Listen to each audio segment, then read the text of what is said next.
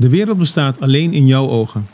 Je kunt het zo groot of zo klein maken als je maar wilt, zei de Amerikaanse schrijver F. Scott Fitzgerald. Esther en Linda de Veer, twee zussen die op Bonaire wonen, vertellen in deze podcast over de vier talen die in het Caribisch gebied worden gesproken.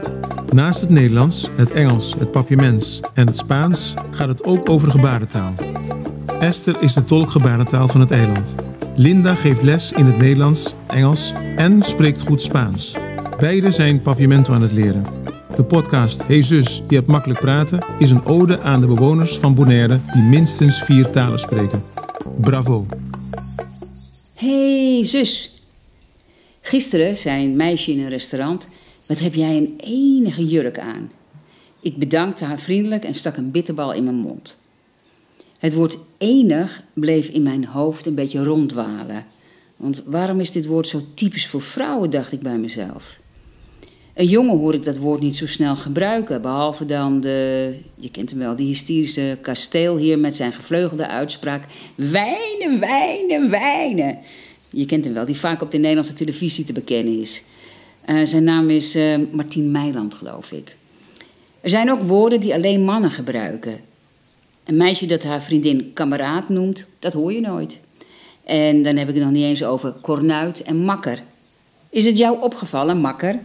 Nee, dat klinkt niet als ik dat tegen jou zeg.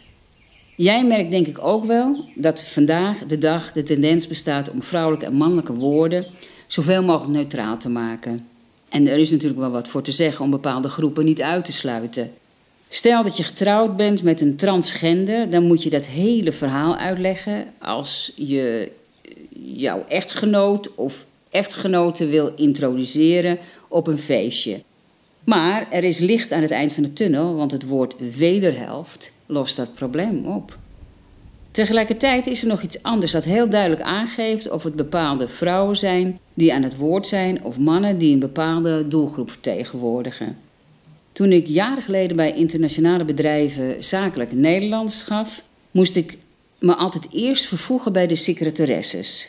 En dan ving ik wel eens een flart op van een onderling gesprek. En dat ging dan zo. Hé hey, collegaatje, ik ken een heel leuk cafeetje en daar kunnen we zo een koffietje nemen. Kei leuk. En dan nemen we ook een gebakje. Wacht even, ik pak even mijn tasje. Heb je mijn brilletje ergens gezien? Oh, hij ligt op je mobieltje. Ik pak mijn jasje alvast. Nou, ik durf absoluut niet te beweren dat alle secretaresses in de verkleinwoordenmode staan. Maar de strenge beveiligingsbeambten die bedrijfspanden beschermen, hoorde ik niet zo praten. Die hadden toen een staccato taal waarin geen plaats was voor lange lieve zinnen. Vandaag heb je natuurlijk ook vrouwelijke beveiligers en hoogstwaarschijnlijk is het taalgebruik van deze beroepsgroep daardoor alweer wat veranderd.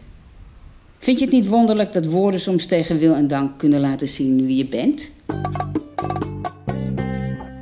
Hey zus, nou breek me de bek niet open. Hm, Becky zou niet passen in deze zin. Dan krijgt de zin weer een hele andere betekenis, hè? Maar bekje kan ook weer niet. Behalve voor kleine katjes. Die hebben bekjes. En met kleine katjes kom ik meteen op het volgende. Het verkleinen van een verkleinwoord kan ook heel goed in het Nederlands. Dus het is nog erger dan we dachten. Hm? Klein grapje bijvoorbeeld. Weet je, zus, ik vind een verkleinwoord gebruiken niet zo erg. Maar wel als het woord zich niet leent voor verkleinen zoals theetje of koffietje. Je hebt een kop thee of kopje thee. Dat kan prima. Dus ook met kop koffie of kopje koffie. Niks aan de hand.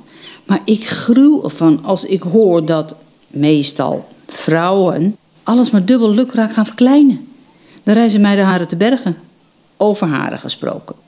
Zou ik haartjes zeggen, dan heb ik toch meteen een beeld van de haartjes op mijn arm. En gewoon haren, dat zijn mijn hoofdharen.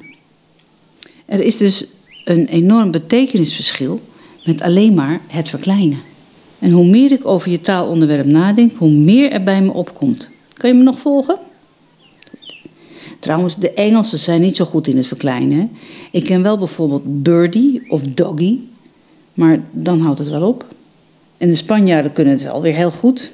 Ik heb een goed voorbeeld gevonden.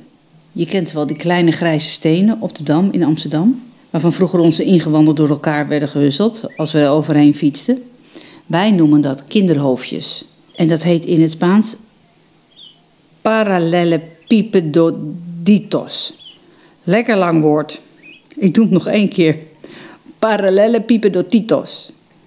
Dus, ik heb hier op Bonaire even een mini-onderzoekje gedaan. Om te zien of dat verkleinen van woorden ook in het papiaments voorkomt. Nou, blijkbaar niet. Wat wel weer leuk is, is dat ik altijd dacht dat de uitgang chi, zoals in panchi, of popchi, uit het Nederlands kwam. Dat dit het equivalent van tje was. Maar ik leerde gisteren in mijn papiamentoles dat die uitgang uit het Creools komt. Wist ik niet. Het heeft helemaal niks te maken met iets kleins. In de gebarentaal heb je ook geen verkleinwoorden, maar je hebt wel een extra gebaar om iets klein te maken. En dat is het puntje van je tong uitsteken. De meeste mensen vinden dat een van de gekste taaluitingen in de gebarentaal. Het is toch vreemd dat we zoveel woorden in het Nederlands verkleinen, maar niet vergroten. Dat kunnen de Spanjaarden en de Italianen als geen ander. En dat is weer voer voor een volgend onderwerp, zus. Bedankt voor het luisteren. Luister ook naar de andere afleveringen van Hey Zus. Steven Tromp, bedankt voor de muziek. Alfred Borgos, bedankt voor de aankondiging. Podcast Tabon, bedankt voor de productie. En vond je het hoopje leuk? Geef ons dan een like. Hajo!